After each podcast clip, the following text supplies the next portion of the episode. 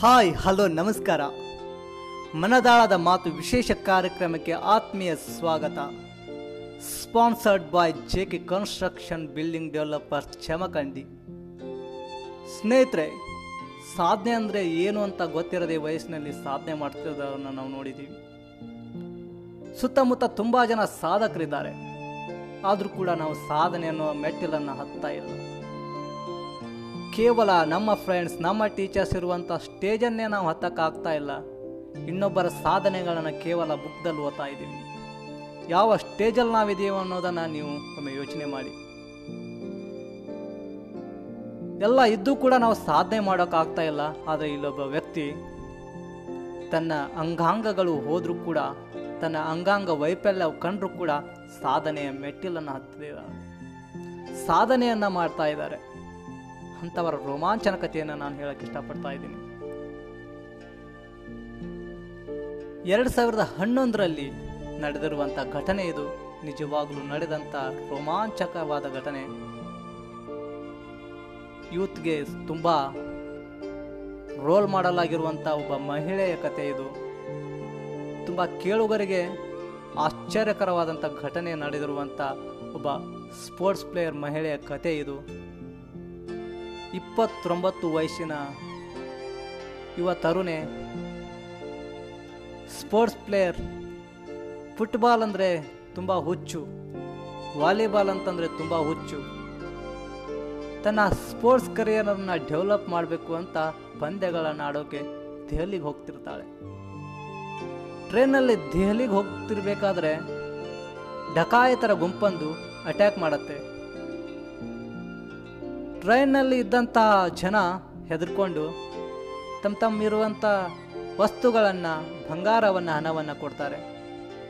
ಈ ಹುಡುಗಿ ಅಪೋಸ್ ಆದಾಗ, ಎದುರು ಮಾಡಿದಾಗ ಆಕೆಯನ್ನು ನಾಲ್ಕು ಜನ ಡಕಾಯತರು ಹಿಡ್ಕೊಂಡು ಹೊರಗಡೆ ಹೋಗಿದ್ದಾರೆ.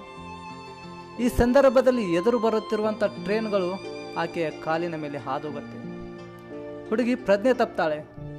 ತದನಂತರ ನಲವತ್ತೊಂಬತ್ತು ಟ್ರೈನ್ಗಳು ಕೂಡ ಆಕೆಯ ಕಾಲ ಮೇಲೆ ಹಾದುಗತ್ತೆ ಯೋಚನೆ ಮಾಡಿ.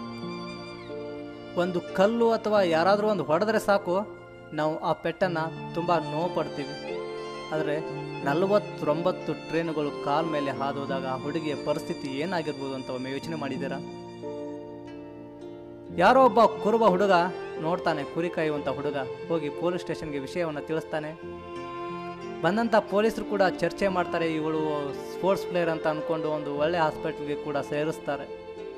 ಡಾಕ್ಟ್ರ್ ಹೇಳ್ತಾಳೆ ತುಂಬ ರಕ್ತ ಹೋಗಿದೆ. ಇವಳ ಕಾಲುಗಳನ್ನು ನಾವು ಕಟ್ ಮಾಡಲೇಬೇಕು.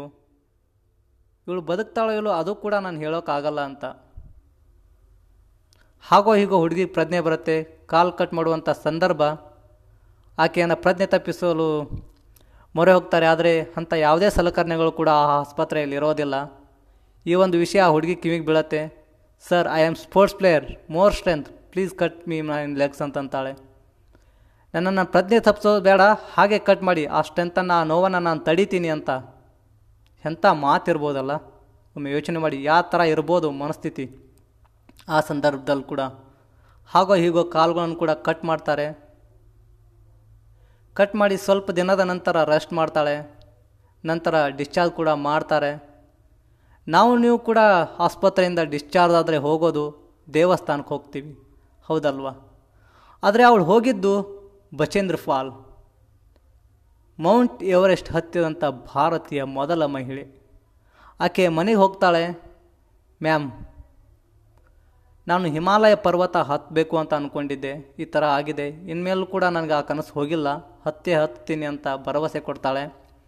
ಆಗ ಬಚೇಂದ್ರ ಪಾಲ್ ಅವ್ರು ಹೇಳ್ತಾರೆ, ನೀನು ಹತ್ತಬೇಕು ಅನ್ನೋ ಏನು ವಿಶ್ವಾಸ ಇದೆಯಲ್ಲ, ಅದು ತುಂಬ ಗಟ್ಟಿ ಇದೆ ನೀನು ಹತ್ತೋದಲ್ಲ ಆಲ್ರೆಡಿ ಹತ್ತಿದ ಹಾಗೇ ಆದರೆ ಜನರ ಕಣ್ಣಿಗೆ ಮಾತನ್ನ ಮಾತ್ರ ನೀನು ಹತ್ತಬೇಕು ಅಂತ ಅಂದಾಗ ಆ ಭರವಸೆ ಇನ್ನೂ ಕೂಡ ಸದೃಢ ಆಗತ್ತೆ ಡಬಲ್ ಆಗತ್ತೆ. ಹಾಗೋ ಹೀಗೋ, ಆ ಭರವಸೆಯ ಒಂದು ನಿರ್ಧಾರವನ್ನು ತೆಗೆದುಕೊಂಡು ಹೊರಗಡೆ ಬರ್ತಾಳೆ.